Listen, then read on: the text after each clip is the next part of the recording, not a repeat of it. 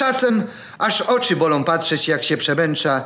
Dla naszego klubu prezes naszego klubu tęcza. Ciągle pracuje, wszystkiego przypilnuje i jeszcze inni, niektórzy, wtykają mu szpilki.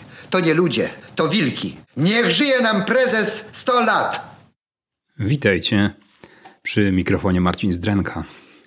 Pewnie się zastanawiacie, dlaczego w zapowiedzi kolejnej pogawędki witamy Was cytatem ze słynnej komedii Miś Stanisława Barei. Już wyjaśniam.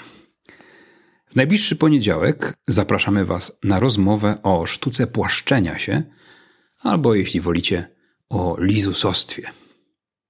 Któż z nas nie spotkał kiedyś szkolnego lizusa? Czy to popilka nauczycieli, czy korporacyjnego pochlebcy sprawnie wspinającego się po szczeblach awansu, czy może polityka gładko wpełzającego w łaski wyborców, czy przywódcy politycznej partii.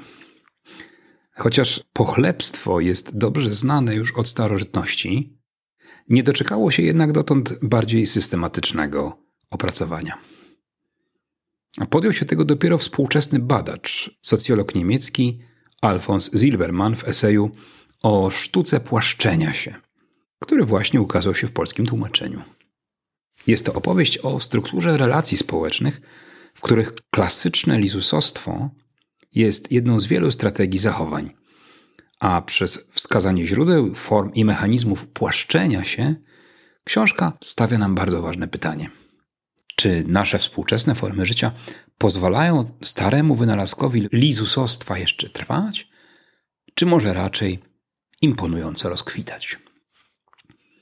Ja jestem jednak pewien, że znacie już odpowiedź na to pytanie, bo przecież nasi słuchacze należą do najdomyślniejszych, najbłyskotliwszych, najwspanialszych, najwierniejszych, najmądrzejszych. Niech żyje nam prezes naszego klubu! Niech żyje nam!